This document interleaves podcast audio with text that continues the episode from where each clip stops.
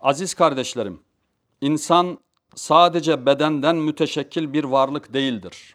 Hatta insanın asli mahiyeti Allah'ın kendisinden üflemiş olduğu ruhtur. Ruhen gelişmeyen ve manevi yönünü inkişaf ettirmeyen insanın gerçek anlamda mutlu olması da mümkün değildir.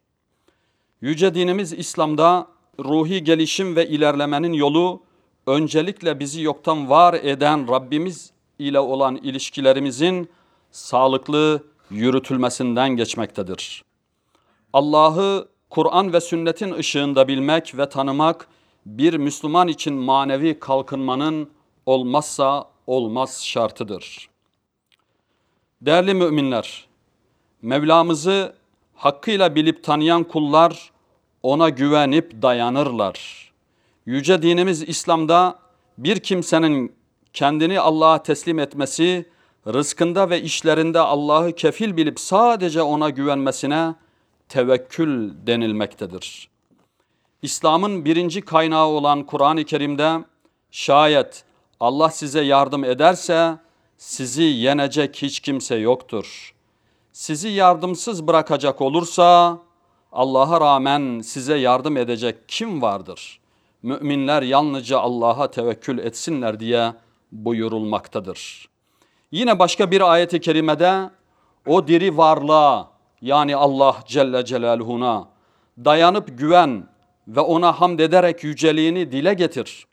Kullarının günahlarından haberdar olman konusunda o kendi kendine yeterlidir diye müminlere hitap etmektedir. Muhterem Müslümanlar, hayatın zorlukları karşısında dirençli olmak için Rabbimizin sonsuz güç ve kudretinin bilincinde olmalıyız. Onun her şeye kadir olduğuna, yapılan dualara icabet ettiğine ve kendisine sığınan kullarını koruyup kolladığına iman ediyoruz. Dünyadaki varlığımızın devamına vesile olan rızık konusunda endişeye düşemeyiz. Bu hususta İslam'ın emri gereği Allah'a tevekkül ediyoruz. Efendimiz sallallahu aleyhi ve sellem eğer siz gereği gibi Allah'a tevekkül etmiş olsaydınız tıpkı sabahleyin kursakları boş olarak çıkıp akşam doymuş bir şekilde dönen kuşların rızıklandırıldığı gibi sizler de rızıklandırılırdınız diye buyurmuştur. İşte buna inanan toplumlar rızık endişesine düşüp kaos ve kargaşa ortamının gelişmesine müsaade etmezler. Onlar rezzak olan Allah'a güvenirler ve bu güvenden kaynaklı özgüvenle çalışırlar. Moral ve motivasyonları yüksek olur. Efendimiz Aleyhisselatü Vesselam bir hadis-i şeriflerinde tevekkülü aslında en doğru bir şekilde her zaman olduğu gibi ifade etmiş, bizlere açıklamıştır. Gerçek tevekkül ne demektir? Bir adam ey Allah'ın Resulü devemi bağlayıp da mı Allah'a tevekkül edeyim yoksa bağlamadan mı tevekkül edeyim diye sordu. Efendimiz aleyhissalatu vesselam önce onu bağla sonra Allah'a tevekkül et dedi diye buyurur. Bir mümin kavli olan duasının yanında fiili duasını da aksatmaz. Kavli dua Mevla'dan dilemektir.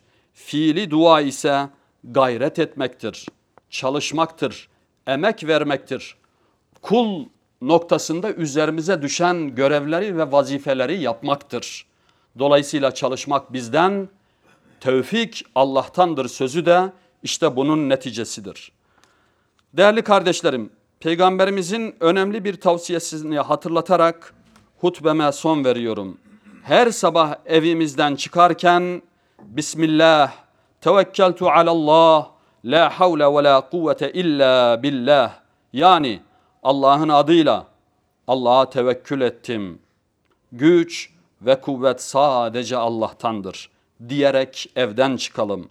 Ve unutmayalım ki Hak Teala kendisine güvenen kullarını asla yarı yolda bırakmaz. Rabbim bizleri ve nesillerimizi kendisine inanan ve güvenen ve ona hakkıyla tevekkül eden salih kullarından eylesin.